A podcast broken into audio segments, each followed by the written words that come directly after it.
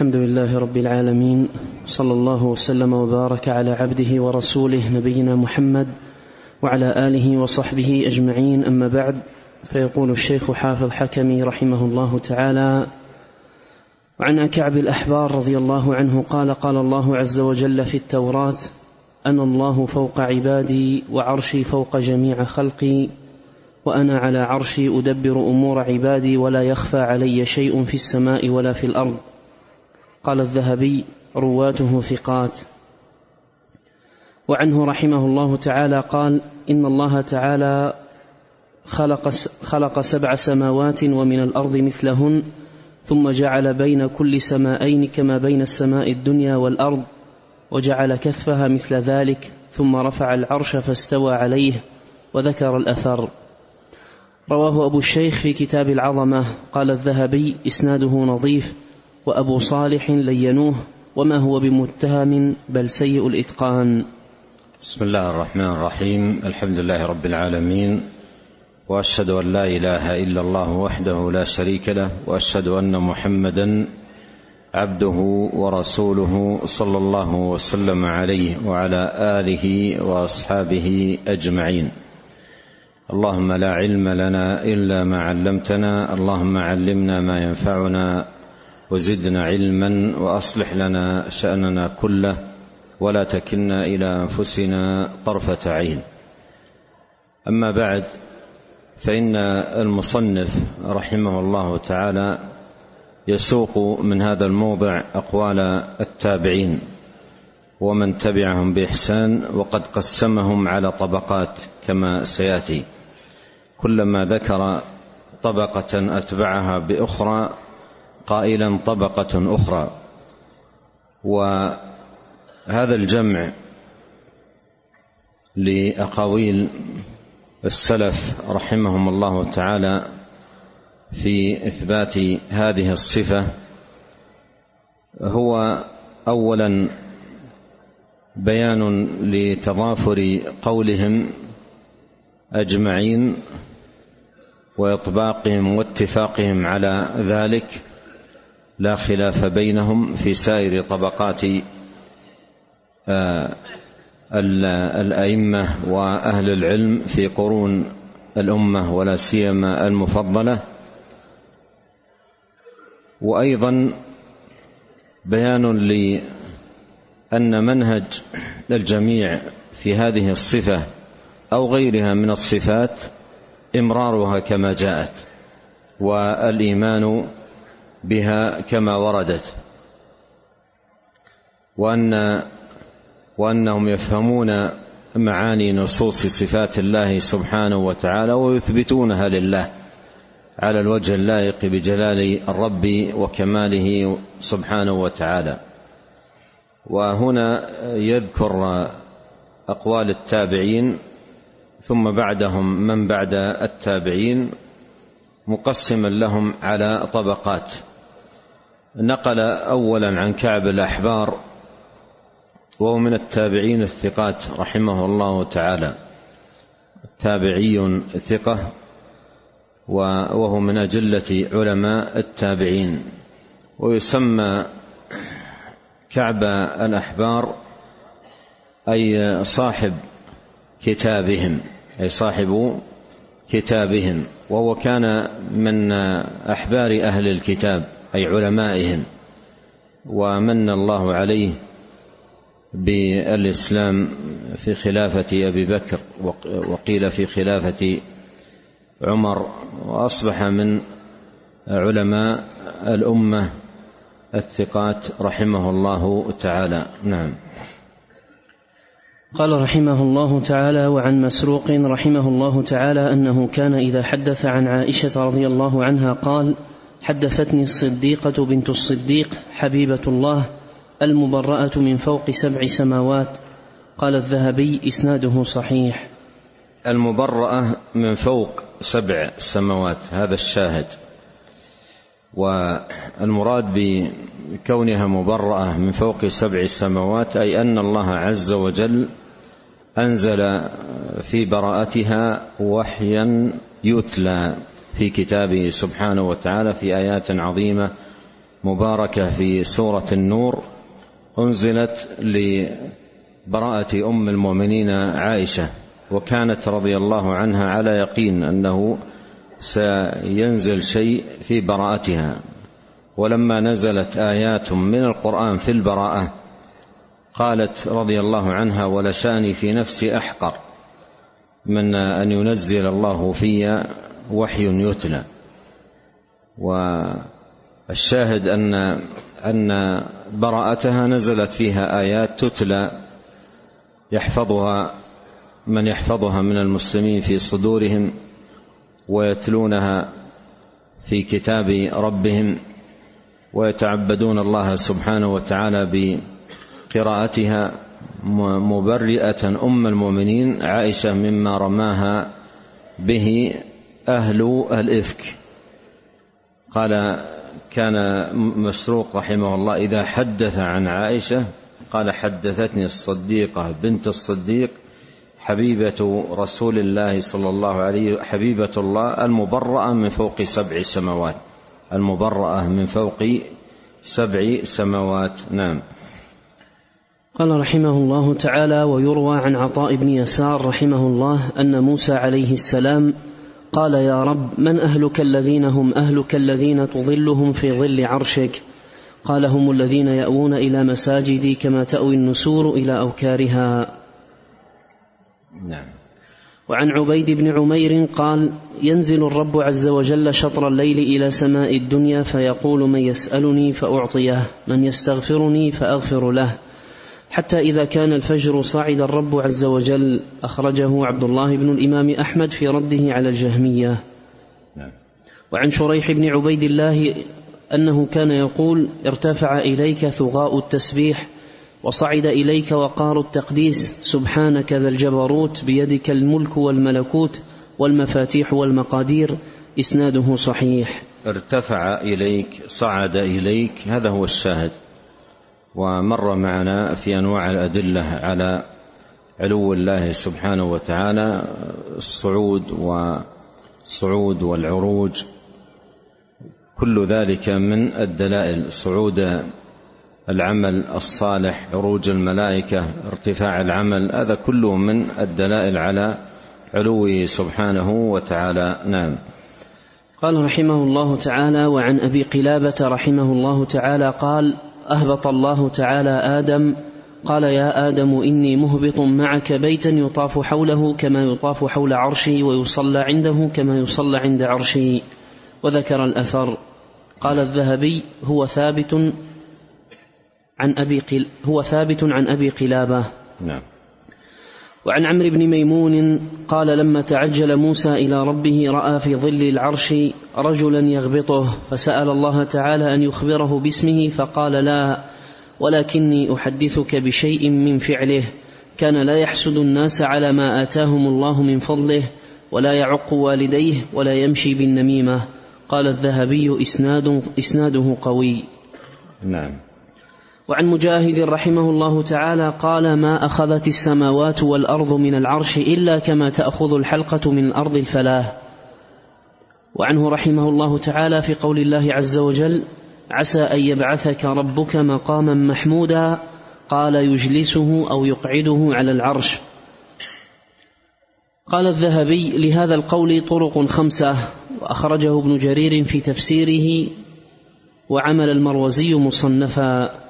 نعم. هذا من قول مجاهد والذي صح عن النبي عليه الصلاة والسلام في عسى الذي صح في الأخبار الذي صح في الأخبار في معنى قول الله عز وجل عسى أن يبعثك ربك مقاما محمودا هو الشفاعة العظمى.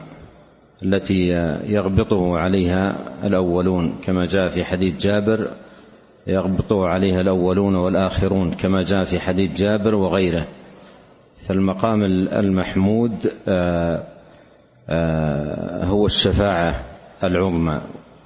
والذي جاء عن مجاهد هنا آه، لا يعد دليلا وإنما هو قول يحتاج إلى دليل وإنما هو قول يحتاج إلى دليل والذي صحت به الأخبار أن المقام المحمود إنما هو الشفاعة العظمى. نعم. قال رحمه الله تعالى وعن نوف وعن نوف البكالي أن موسى عليه السلام لما سمع الكلام قال من أنت الذي يكلمني؟ قال أنا ربك الأعلى. قال الذهبي إسناده صحيح. وعنه قال إني أجد في التوراة لو أن السماوات والأرض كن طبقا من حديد فقال رجل لا إله إلا الله لخرقتهن حتى تنتهي إلى الله عز وجل. رواه حماد بن سلمة. وعن أبي عيسى يحيى بن رافع رحمه الله تعالى أن ملكا لما استوى الرب على كرسيه سجد فلا يرفع رأسه حتى تقوم الساعة فيقول لم أعبدك حق عبادتك. وعن قتادة رحمه الله تعالى قال قالت بنو إسرائيل يا رب أنت في السماء ونحن في الأرض فكيف لنا أن نعرف رضاك وغضبك؟ قال إذا رضيت, إذا رضيت عنكم استعملت عليكم خياركم وإذا غضبت استعملت عليكم شراركم. قال الذهبي وهذا ثابت عن قتادة. وعن عكرمة رحمه الله تعالى قال, قال بينما رجل في الجنة اشتهى الزرع فيقول للملائكة ابذروا فيخرج أمثال الجبال فيقول الرب عز وجل من فوق عرشه كل يا ابن آدم فإن ابن آدم لا يشبع قال الذهبي إسناده ليس بذاك نعم هذه النقول عن الذهبي أي من كتابه العلو العلو للعلي الغفار. والمصنف في في هذا الموضع وهذه الطبقات ينقل كثيرا منه بل غالب النقول من كتاب العلو للإمام الذهبي رحمه الله تعالى. نعم. قال رحمه الله تعالى وصح في السنة للالكائي عن ثابت البناني قال كان داود عليه السلام يطيل الصلاة ثم يرفع رأسه إلى السماء ثم يقول إليك رفعت رأسي نظر العبيد إلى أربابها يا ساكن السماء. وفي الحلية بإسناد صحيح عن مالك بن دينار أنه كان يقول خذوا فيقرأ ثم يقول اسمعوا إلى قول الصادق من فوق عرشه. وعن مجاهد رحمه الله تعالى في قول الله عز وجل وقربناه نجيا قال بين السماء السابعة وبين العرش سبعون ألف حجاب فما زال يقرب موسى حتى كان بينه وبينه حجاب فلما رأى مكانه وسمع صريف القلم قال رب أرني أنظر إليك هذا ثابت عن مجاهد إمام التفسير أخرجه البيهقي في كتابه الأسماء والصفات. نعم هذا أيضا قول مجاهد رحمه الله تعالى وهو أيضا مما يقال فيه يحتاج إلى دليل. نعم. قال رحمه الله تعالى وعن سفيان قال كنت عند ربيعة بن عبد كنت عند ربيعة بن أبي عبد الرحمن فسأله رجل فقال الرحمن على العرش استوى كيف استوى؟ فقال الاستواء غير مجهول والكيف غير معقول ومن الله الرسالة وعلى الرسول البلاغ وعلينا التصديق.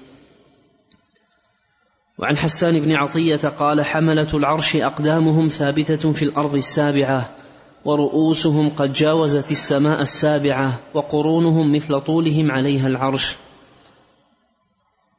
وذكر أيوب السختياني المعتزلة فقال إنما مدار القوم على أن يقولوا ليس في السماء شيء.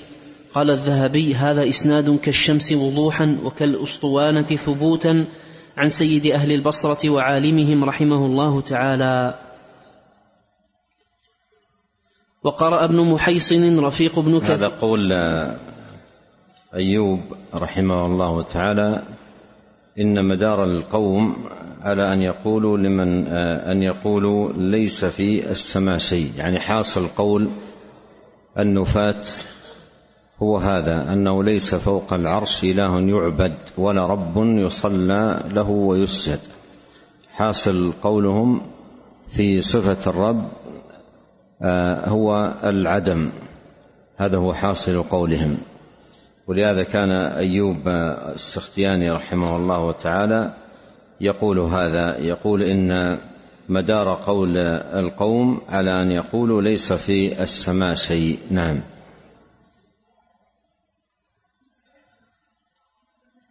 قال رحمه الله تعالى وقرأ ابن محيص رفيق ابن كثير بمكة وفي السماء رزقكم وما توعدون وعن الضحاك في قول الله عز وجل ما يكون من نجوى ثلاثة إلا هو رابعهم ولا خمسة إلا هو سادسهم قال هو على عرشه وعلمه معهم أينما كانوا وفي لفظ عندكم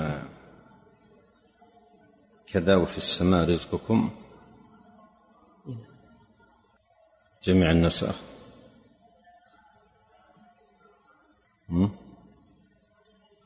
تراجع يعني. أذكر أن أن لفظه السماء رازقكم. لكن تراجع الأصول. نعم. وفي السماء رازقكم وما توعدون. أحسن الله إليكم. قال وعن الضحاك في قول الله عز وجل ما يكون من نجوى ثلاثة إلا هو رابعهم ولا خمسة إلا هو سادسهم قال هو على عرشه وعلمه معهم أينما كانوا وفي لفظ هو فوق العرش وعلمه معهم أينما كانوا أخرجه العسال وابن بطة وابن عبد البر بإسناد جيد وعن سليمان التيمي رحمه الله تعالى قال لو سئلت أين الله لقلت في السماء وعن حبيب بن أبي حبيب قال شهدت خالد بن عبد الله القسري وخطبهم بواسط فقال أيها الناس ضحوا تقبل الله ضحاياكم فإني مضح بالجعد بن درهم. فإنه زعم أن الله لم يتخذ إبراهيم خليلا ولم يكلم موسى تكليما. سبحانه وتعالى عما يقولون علوا كبيرا ثم نزل فذبحه. قال الذهبي والمعتزلة تقول هذا وتحرف نص التنزيل في ذلك وزعموا أن الرب منزه عن ذلك. منزه عن ذلك أي عن العلو بل عندهم منزه عن الصفات. حتى قال بعض أهل العلم أن من بعض تسبيحات المعتزلة سبحان المنزه عن الصفات. فهم لا يثبتونها. يسبحون الله أي ينزهون الله عن أن تثبت له صفة ومن ذلك صفة العلو. نعم. قال رحمه الله تعالى وقال أبو عمر بن عبد البر رحمه الله تعالى في التمهيد وعلماء الصحابة والتابعين الذين حمل عنهم التأويل قالوا في تأويل قول الله عز وجل ما يكون من نجوى ثلاثة إلا هو رابعهم ولا خمسة إلا هو سادسهم هو على العرش وعلمه في كل مكان وما خالفهم أحد في ذلك يحتج به. نعم يعني النقل هنا من أجل آه، آه، بيان ابن عبد البر أن هذا قول التابعين أن هذا قول التابعين لأنه يتحدث عن هذه الطبقة فأثبت هذا أو أثبت هذا النقل عن ابن عبد البر أن هذا هو قول التابعين. قاطبة بعد النقل آه، المصنف رحمه الله عن عدد منهم. نعم. طبقة أخرى عن نوح الجامع قال كنت عند أبي حنيفة أول ما ظهر جهم إذ جاءته امرأة من ترمذ كانت تجالس جهما فدخلت الكوفة فأظنني أقل ما رأيت عليها عشرة آلاف نفس. فقيل لها إنها هنا رجلا قد نظر في المعقول يقال له أبو حنيفة. فأته فأتته فقال أنت الذي تعلم الناس المسائل وقد تركت دينك أين إلهك الذي تعبده؟ فسكت عنها ثم مكث سبعة أيام لا يجيبها ثم خرج إلينا وقد وضع كتابا إن الله عز وجل في السماء دون الأرض. فقال له رجل أرأيت قول الله عز وجل وهو معكم؟ قال هو كما تكتب كما تكتب إلى الرجل أني معك وأنت غائب عنه. رواه البيهقي. ثم قال لقد أصاب أبو حنيفة رحمه الله فيما نفى عن الله عز وجل من الكون في الأرض وأصاب فيما ذكر من تأويل الآية وتبع مطلق السمع بأن الله تعالى في بأن الله تعالى في السماء. قلت وإنما أراد بقوله هو كما تكتب إلى الرجل إلى آخره نفي الحلول وإلا فربنا تبارك وتوع ربنا تبارك وتعالى سواء عنده الغيب والشهادة والسر والعلانية. نعم لكن لا يعتمد هذا النقل. نوح هذا وضاع كما بين أهل العلم من حاله لكن ذكر من أجل أنه في الجملة فيه إثبات العلو علو الله سبحانه وتعالى على خلقه. نعم. قال رحمه الله تعالى وعن أبي مطيع الحكم بن عبد الله البلخي قال سألت أبا حنيفة عمن يقول لا أعرف ربي في السماء أو في الأرض قلت وإنما قلت وإنما أراد بقوله هو كما تكتب إلى الرجل إلى آخره إلى آخره يعني آخر ما جاء في تفسير الآية المتقدم وهو معكم قال هو كما تكتب إلى الرجل أني معك وأنت غائب عنه قال أن أراد بذلك نفي الحلول. والمراد بالمعية بإجماع السلف رحمهم الله تعالى معية العلم لدلالة السياق على ذلك لدلالة السياق في سياق الآية الكريمة على ذلك وهو معكم أي بعلمه أما هو سبحانه وتعالى فوق العرش. وقد قال الله عز وجل هو الذي خلق السماوات والأرض في ستة أيام ثم استوى على العرش.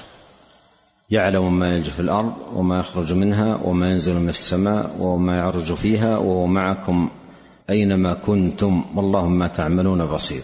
ففي صدر الآية أثبت استواءه على عرشه عرشه المجيد سبحانه وتعالى.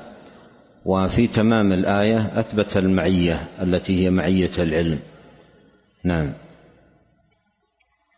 قال رحمه الله تعالى وعن أبي مطيع الحكم بن عبد الله البلخي قال سألت أبا حنيفة عمن يقول لا أعرف ربي في السماء أو في الأرض قال إذا أنكر أنه في السماء أو في أو في الأرض فقال قد كفر لأن الله تعالى يقول الرحمن على العرش استوى وعرشه فوق سماواته فقلت إنه يقول أو في, أو في الأرض هذه تراجع. إذا أنكر أنه في السماء فقد كفر لأن الله يقول الرحمن على العرش استوى. أحسن الله إليكم. قال فقلت إنه يقول أقول على العرش استوى ولكن قال لا, لا يدري العرش في السماء أو في الأرض. قال إذا أنكر أنه في السماء فقد كفر. رواه شيخ الإسلام الأنصاري في الفاروق. نعم. وروى المقدسي عنه رحمه الله تعالى أنه قال من أنكر أن الله عز وجل في السماء فقد كفر. وعن ابن جريج رحمه الله تعالى قال كان عرشه على الماء قبل أن يخلق الخلق. وروى الحاكم عن الأوزاعي رحمه الله تعالى قال كنا والتابعون متوافرون نقول إن الله عز وجل فوق عرشه ونؤمن بما وردت به السنة من صفاته. خرجه البيهقي في الأسماء والصفات. وللثعلبي عنه في قول الله عز وجل ثم استوى على العرش. قال هو على عرشه كما وصف نفسه. وسئل رحمه الله تعالى عن أحاديث الصفات فقال أمرها كما جاءت. هي, هي جاءت محملة بالمعاني فإمرارها كما جاءت أي بإثبات معانيها. هذا مراد السلف رحمهم الله. نعم. وعن مقاتل بن حيان في قول الله عز وجل ما يكون من نجوى ثلاثة إلا هو رابعهم قال هو على عرشه وعلمه معهم رواه عبد الله بن أحمد في السنة. وللبيهقي عنه قال بلغنا والله أعلم في قول الله عز وجل هو الأول والآخر والظاهر والباطن قال هو الأول قبل كل شيء والآخر بعد كل شيء والظاهر فوق كل شيء والباطن أقرب من كل شيء. وإنما قربه بعلمه وهو فوق عرشه. وعن سفيان الثوري في قول الله عز وجل وهو معكم أينما كنتم قال علمه. وقال في جميع أحاديث الصفات أمروها كما جاءت. وعن الإمام مالك بن أنس رحمه الله تعالى قال الله في السماء وعلمه في كل مكان لا يخلو منه شيء. وسأله رجل فقال يا أبا عبد الله الرحمن على العرش استوى كيف استوى؟ فأطرق مالك وأخذته الرحضاء ثم رفع رأسه فقال الرحمن على العرش استوى كما وصف نفسه ولا يقال كيف وكيف عنه مرفوع وأنت صاحب بدعة أخرجوه. وفي رواية قال الكيف غير معقول والاستواء منه غير مجهول والإيمان به واجب والسؤال عنه بدعة وإني أخاف أن تكون ضالا وأمر به فأخرج. وقال سلام بن مطيع ويلكم ما تنكرون هذا الأمر والله ما في الحديث. قول مالك رحمه الله في الاستواء عده العلماء قاعدة. جامعة تقال في كل صفة. لمن سأل عن كيفية صفة من صفات الله سبحانه وتعالى يجاب بما أجاب به مالك من سأل عن كيفية الاستواء. وهذه هذا القاعدة أو القول عن الإمام مالك مليء بالفوائد في في هذا الباب باب صفات الله سبحانه وتعالى والرد على المخالف. نعم. قال رحمه الله تعالى وقال سلام بن مطيع ويلكم ما تنكرون هذا الأمر والله ما في الحديث شيء إلا وفي القرآن ما هو أثبت منه. قول الله عز وجل إن الله سميع بصير. ويحذركم الله نفسه. تعلم ما في نفسي ولا أعلم ما في نفسك. ثم استوى على العرش. والسماوات مطويات بيمينه. ما منعك أن تسجد لما خلقت بيدي. وكلم الله موسى تكليما. يا موسى إني أنا الله. فما زال في ذلك من العصر إلى المغرب. الله أكبر. ما زال في ذلك يتلو الآيات التي تدل على هذا المعنى. إلى المغرب. نعم. قال رحمه الله تعالى وصح عن ابن الماجشون أنه سئل عما جحدت به الجهمية فقال أما بعد فقد فهمت ما سألت عنه فيما تتابعته الجهمية في صفة الرب العظيم الذي فاتت عظمته الوصف والتقدير. وكلت الألسن عن تفسير صفته وانحسرت العقول دون معرفة قدره فلم تجد العقول مساغا فرجعت خاسئة حسيرة وإنما أمروا بالنظر والتفكير فيما خلق وإنما يقال كيف لما لم يكن مرة ثم كان. أما من لا يحول ولا يزول ولم يزل وليس له مثل فإنه لا يعلم كيف هو لا يعلم كيف هو إلا هو. وساق فصلا طويلا في هذا المعنى وذكر لا يعلم كيف هو إلا هو. هذا فيه من الفائدة أن نفي الصفات نفي السلف رحمهم الله تعالى للتكييف هو نفي للعلم بالكيفية لا نفي لوجودها لأن ما لا كيف له عدم. فيقول هنا وإنما يقال كيف لما لا لم يكن مرة ثم كان أما من لا يحول ولا يزول ولم يزل وليس له مثل فإنه لا يعلم كيف هو إلا هو لا يعلم كيف هو إلا هو. فقول السلف آه، بلا كيف في إثبات الصفات أي بلا علم منا بها. لا لا أن المراد بذلك نفي وجود الكيف. فلصفات الله كيفية الله يعلمها سبحانه وتعالى. ولهذا الإمام مالك كما تقدم قريبا قال والكيف مجهول ما قال معدوم. الكيف مجهول يعني لا نعلم الكيفية. فإن الله أخبرنا بصفاته ولم يخبرنا سبحانه وتعالى بكيفيتها. نعم. قال رحمه الله تعالى وقال حماد بن زيد إنما يدورون على أن يقولوا ليس في السماء إله يعني الجهمية. رواه نعم. ابن أبي حاتم الرازي. شبيه بقول أيوب المتقدم نعم. وقال محمد بن إسحاق إمام أهل المغازي كان الله تعالى كما وصف نفسه إذ ليس إلا الماء عليه العرش وعلى العرش ذو الجلال والإكرام. الظاهر في علوه على خلقه فليس شيء فوقه. الباطن لإحاطته بخلقه فليس شيء دونه الدائم الذي لا يبيد. وكان أول ما خلق النور والظلمة ثم السماوات السبع من دخان ثم دحى الأرض ثم استوى إلى السماء فحبكهن وأكمل خلقهن في يومين ففرغ من خلق السماوات والأرض في ستة أيام ثم استوى على العرش. نعم.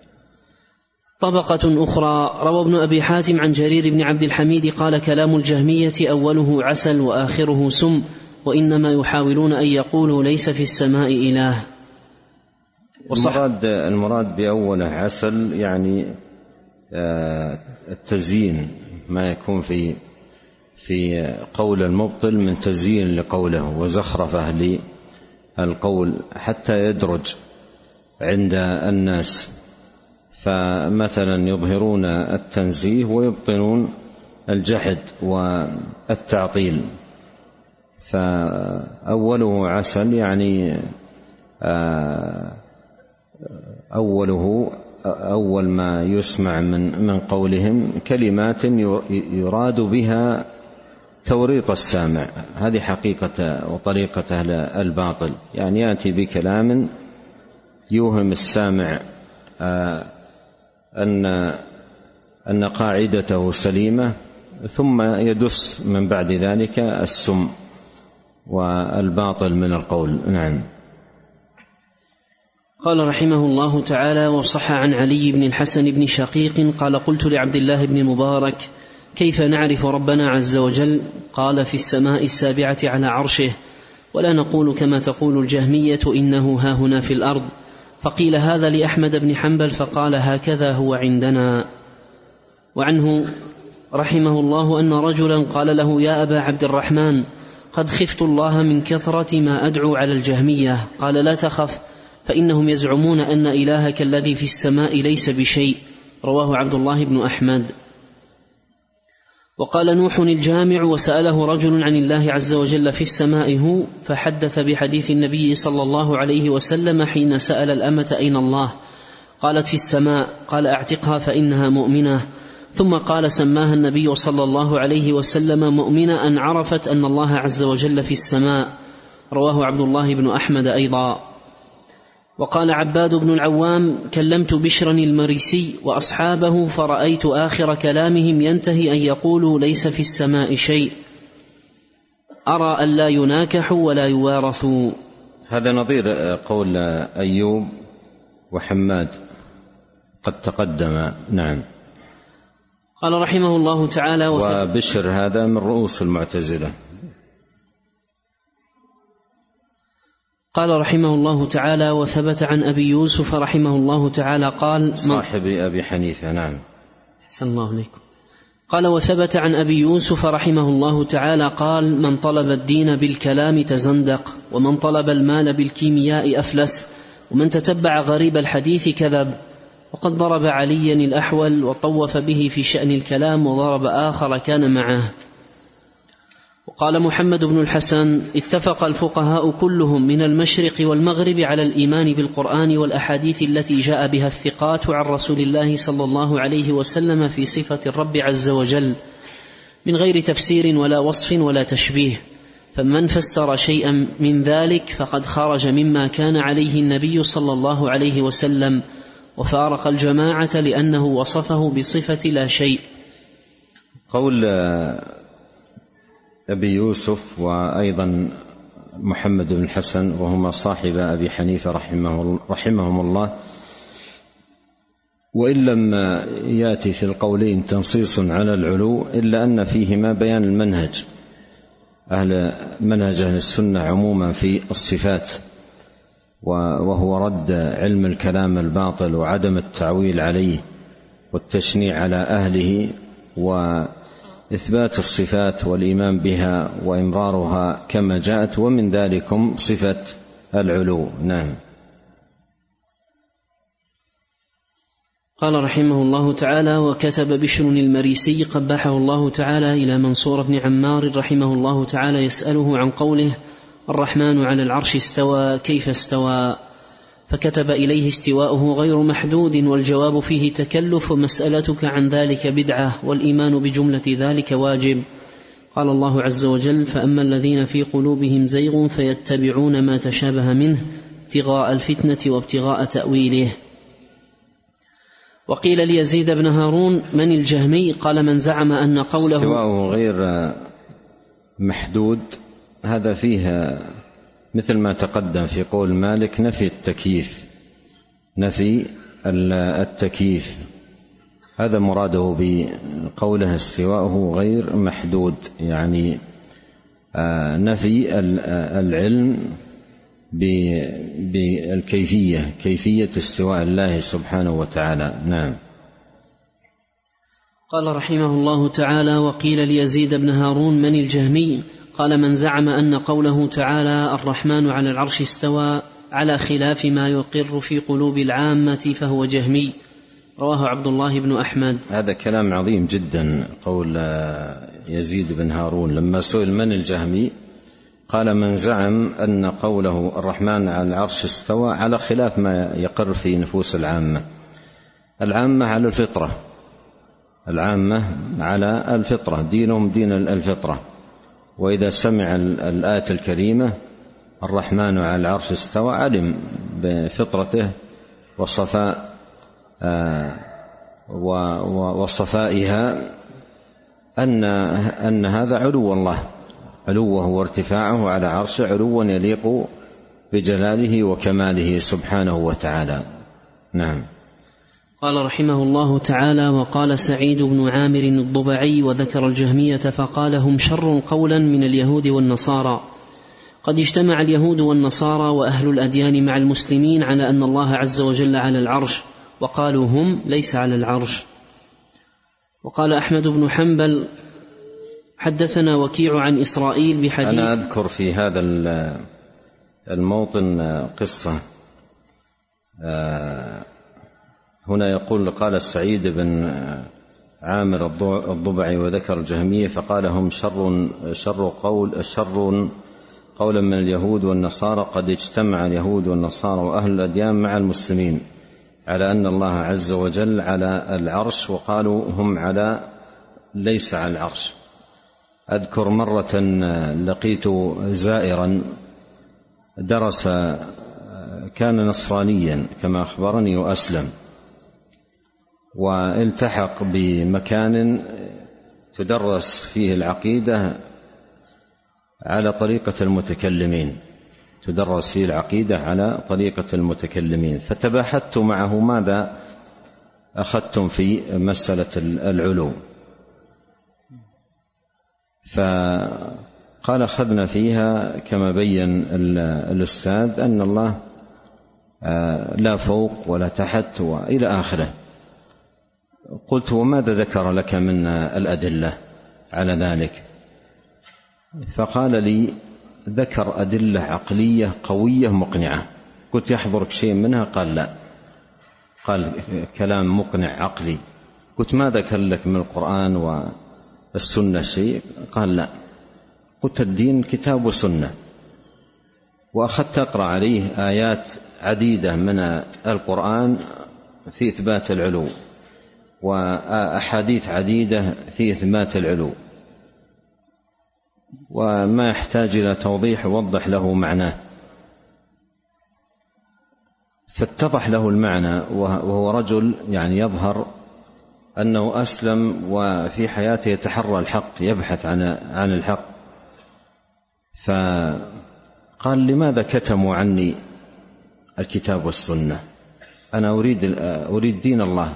الذي جاء بكتابه وسنة نبيه صلى لماذا كتموا عني آه، الكتاب والسنة. قلت لا تسألني أنا اسألهم هم. وإلا هذا هو دين الله. قال الله قال قال رسوله صلى الله عليه وسلم. موضع الشاهد طال حديثي معه لكن موضع الشاهد سألته سؤال. قلت له لما كنت نصرانيا ماذا تعتقد في هذه المسألة؟ أين الله؟ قال في السماء. قال أعتقد كنت أعتقد أن الله في السماء.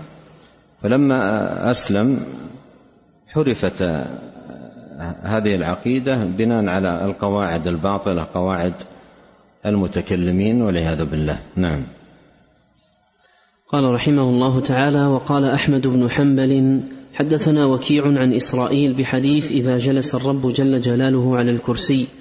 فاقشعر رجل عند وكيع فغضب وكيع وقال أدركنا الأعمش والثوري يحدثون بهذه الأحاديث لا ينكرونها. وقال مرة وقال مرة. قال مرة. وقال مرة نسلم هذه الأحاديث كما جاءت ولا نقول كيف كذا ولا لما كذا. قال عبد الرحمن بن مهدي إن الجهمية أرادوا أن ينفوا أن يكون الله تعالى كلم موسى وأن يكون على العرش. أرى أن يستتابوا فإن تابوا وإلا ضربت أعناقهم. وقال وهو ابن جرير إياكم ورأي جهم فإنهم يحاولون أنه ليس شيء في السماء وما هو إلا وحي إبليس ما هو إلا الكفر. وقال الأصمعي لما قدمت امرأة جهم فقال رجل عندها الله على عرشه فقالت محدود على محدود. قال الأصمعي هي كافرة بهذه المقالة. وقال الخليل بن أحمد في قول الله عز وجل ثم استوى إلى السماء يقول ارتفع. وقال من أئمة اللغة. وهذا بإجماع السلف رحمهم الله تعالى أن استواءه على عرشه أي ارتفاعه عليه وعلوه على عرشه سبحانه وتعالى. نعم. قال وقال الفراء صعد وعن عبد الله بن أبي جعفر الرازي أنه ضرب رأس قرابة له كان يرى رأي جهم. يعني واحدا من قرابته. أي نعم أحسن الله عليكم. وكان يضرب بالنعل على رأسه ويقول لا حتى تقول الرحمن على العرش استوى بائن من خلقه. نعم نكتفي بهذا. ونسأل الله الكريم رب العرش العظيم أن ينفعنا بما علمنا وأن يزيدنا علما وأن يصلح لنا شأننا كله وألا يكلنا إلى أنفسنا طرفة عين. اللهم اغفر لنا ولوالدينا ولمشايخنا ولولاة أمرنا والمسلمين والمسلمات والمؤمنين والمؤمنات. الأحياء منهم والأموات اللهم اقسم لنا من خشيتك ما يحول بيننا وبين معاصيك ومن طاعتك ما تبلغنا به جنتك ومن اليقين ما تهون به علينا مصائب الدنيا. اللهم متعنا بأسماعنا وأبصارنا وقوتنا ما أحييتنا واجعله الوارث منا واجعل ثأرنا على من ظلمنا وانصرنا على من عادانا. ولا تجعل مصيبتنا في ديننا ولا تجعل الدنيا أكبر همنا. ولا مبلغ علمنا ولا تسلط علينا من لا يرحمنا. سبحانك اللهم وبحمدك أشهد أن لا إله إلا أنت أستغفرك وأتوب إليك. اللهم صل وسلم على عبدك ورسولك نبينا محمد وآله وصحبه. جزاكم الله خيرا.